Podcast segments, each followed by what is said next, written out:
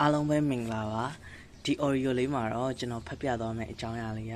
လုပ်ငန်းတိုင်းအတွက်အရေးကြီးတဲ့ brand တစ်ခုကိုတည်ဆောက်တဲ့အပိုင်းလေးဖြစ်ပါတယ် brand ဆိုတာကလုပ်ငန်းတစ်ခုလုံးကိုကိုစားပြုတဲ့အမှတ်တညာဖြစ်တာမို့ဘယ်လောက်ထိအရေးကြီးရဲဆိုတာကိုအားလုံးသိကြမှာပါဒီတော့ brand တစ်ခုကိုမတည်ဆောက်ခင်မှာ brand ဆိုတာဘာလဲဆိုတာကိုရှင်းရှင်းလင်းလင်းသိဖို့လိုတာမို့အရင်ဆုံးရှင်းပြခြင်းပါတယ်ကျွန်တော်တို့အနေနဲ့ Google မှာ what is brand ဆိုပြီးတော့ရိုက်လိုက်ရှာလိုက်မယ်ဆိုရင်အဓိပ္ပာယ်ဖွင့်ဆိုထားချက်တွေအများကြီးကြာလာတာတွေ့ရပါလိမ့်မယ်ဒါပေမဲ့ဒီထဲမှာမှအားလုံးထဲမှာမှကျွန်တော်သဘောကျတဲ့စာရေးသူတယောက်က ဒီ brand အပေါ်ကိုအဓိပ္ပာယ်ဖွင့်ဆိုချက်ထားတဲ့တစ်ခုကိုမျှဝေပေးခြင်းပါတယ်သူ့ဖွင့်ဆိုချက်ကဘာလို့လဲဆိုတော့လူတိုင်းကနားလဲလွယ်တဲ့ဝေါ်ဟာရာကိုသုံးထားတာဖြစ်ပြီးတော့ပြီးပြည့်စုံတဲ့တိုတုပ်ရှင်းလင်းတဲ့ဖွင့်ဆိုချက်တစ်ခုဖြစ်နေလို့ပါပဲတကယ်တော့ brand ဆိုတာတဲ့လုပ်ငန်းတစ်ခုရဲ့ personality ပဲတဲ့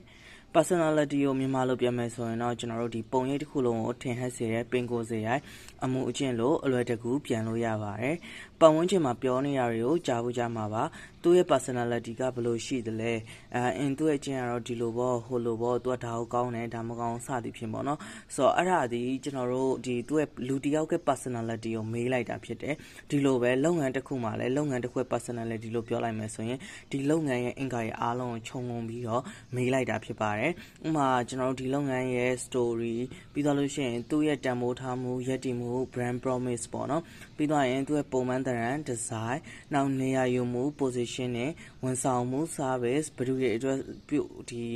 ဟိုပါဘောသူ့ရဲ့ product ကဘယ်သူတွေအတွက်လဲနောက်ဒီ product ကိုလူဘယ်လောက်ထိများလဲ market မှာဘယ်လောက်ထိသူနေရာယူထားလဲအစရှိရဲ့ဒီလုပ်ငန်းတစ်ခုလုံးရဲ့အင်္ဂါရဲ့ဒီအားလုံးကိုခြုံငုံပြီးရှုမြင်လိုက်တာဖြစ်တယ်အဲဒါကကျွန်တော်အခုပြောလိုက်တဲ့ဒီအချက်လေးနဲ့ငယ်က overview ပြောတာမို့လို့တကယ်လက်တွေ့မှာတော့ဒီအချက်လက်တွေတဲ့အများကြီးပိုနေမှာအဲဒါကိုကျွန်တော်တို့က brand လို့ခေါ်တယ် brand တစ်ခုမစခင်မှာကျွန်တော်တို့အနေနဲ့အသေးချာ design လုပ်ရမယ့်အရာတစ်ခုရှိတယ်အဲ့ဒါကတော့ brand positioning ဖြစ်ပါတယ်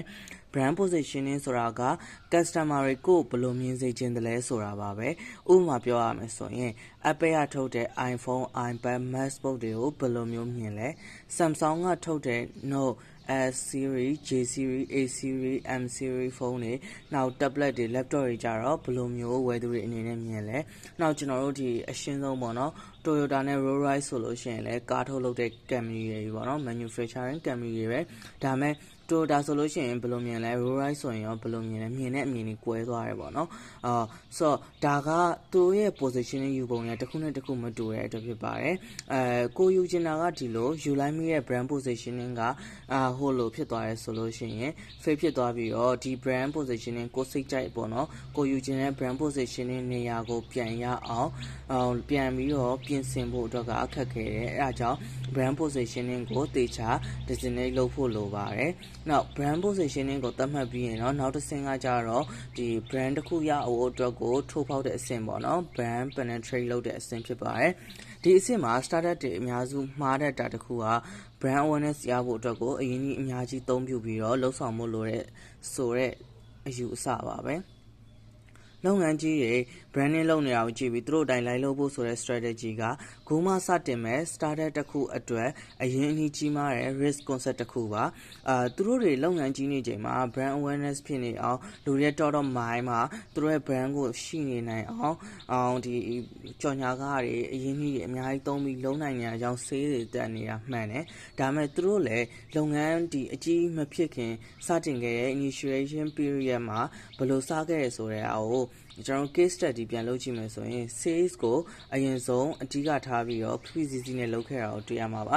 မြင်းတောင်ဥမာအနေနဲ့ပြောရမယ်ဆိုရင် Coca-Cola က sales ကိုအာရုံစိုက်ပြီးတော့မစတင်ခဲ့ဘူးဆိုရင်ဒီနေ့ဒီချိန်မှာသူရှိမှာမဟုတ်တော့ပါဘူး brand တစ်ခုကလုပ်ငန်းတစ်ခုရဲ့ personality ဖြစ်တဲ့အတွက်ကိုယ့်ရဲ့ထုတ်ကုန်ကို customer တွေအနေနဲ့ဝယ်ယူသုံးစွဲပြီးမှသာကိုယ့်လုပ်ငန်းရဲ့ personality ကိုနားလည်မှာဖြစ်ပါတယ်။တနည်းအားဖြင့် brand ကိုနားလည်မှာဖြစ်ပါတယ်။ဒါကြောင့် branding စလုပ်မဲ့သူတွေအနေနဲ့အရင်ဆုံး focus ထားပြီးတော့လုပ်ရမှာက sales ပဲဖြစ်ပါတယ်။ branding ကကြတော့ကိုယ့်ရဲ့ထုတ်ကုန်ကိုတယောက်ယောက်ကဝယ်ယူပြီးပေါ့နော်တစုံတယောက်ကဝယ်ယူပြီးနောက်မှသာစတင်ရမယ်အရာတစ်ခုဖြစ်တယ်အဲ branding လုပ်ပြီးသွားရင်တော့လုပ်ရမယ်နောက်ဆုံးတစ်ဆင့်က brand equity ကိုတည်ဆောက်ဖို့ဖြစ်ပါတယ်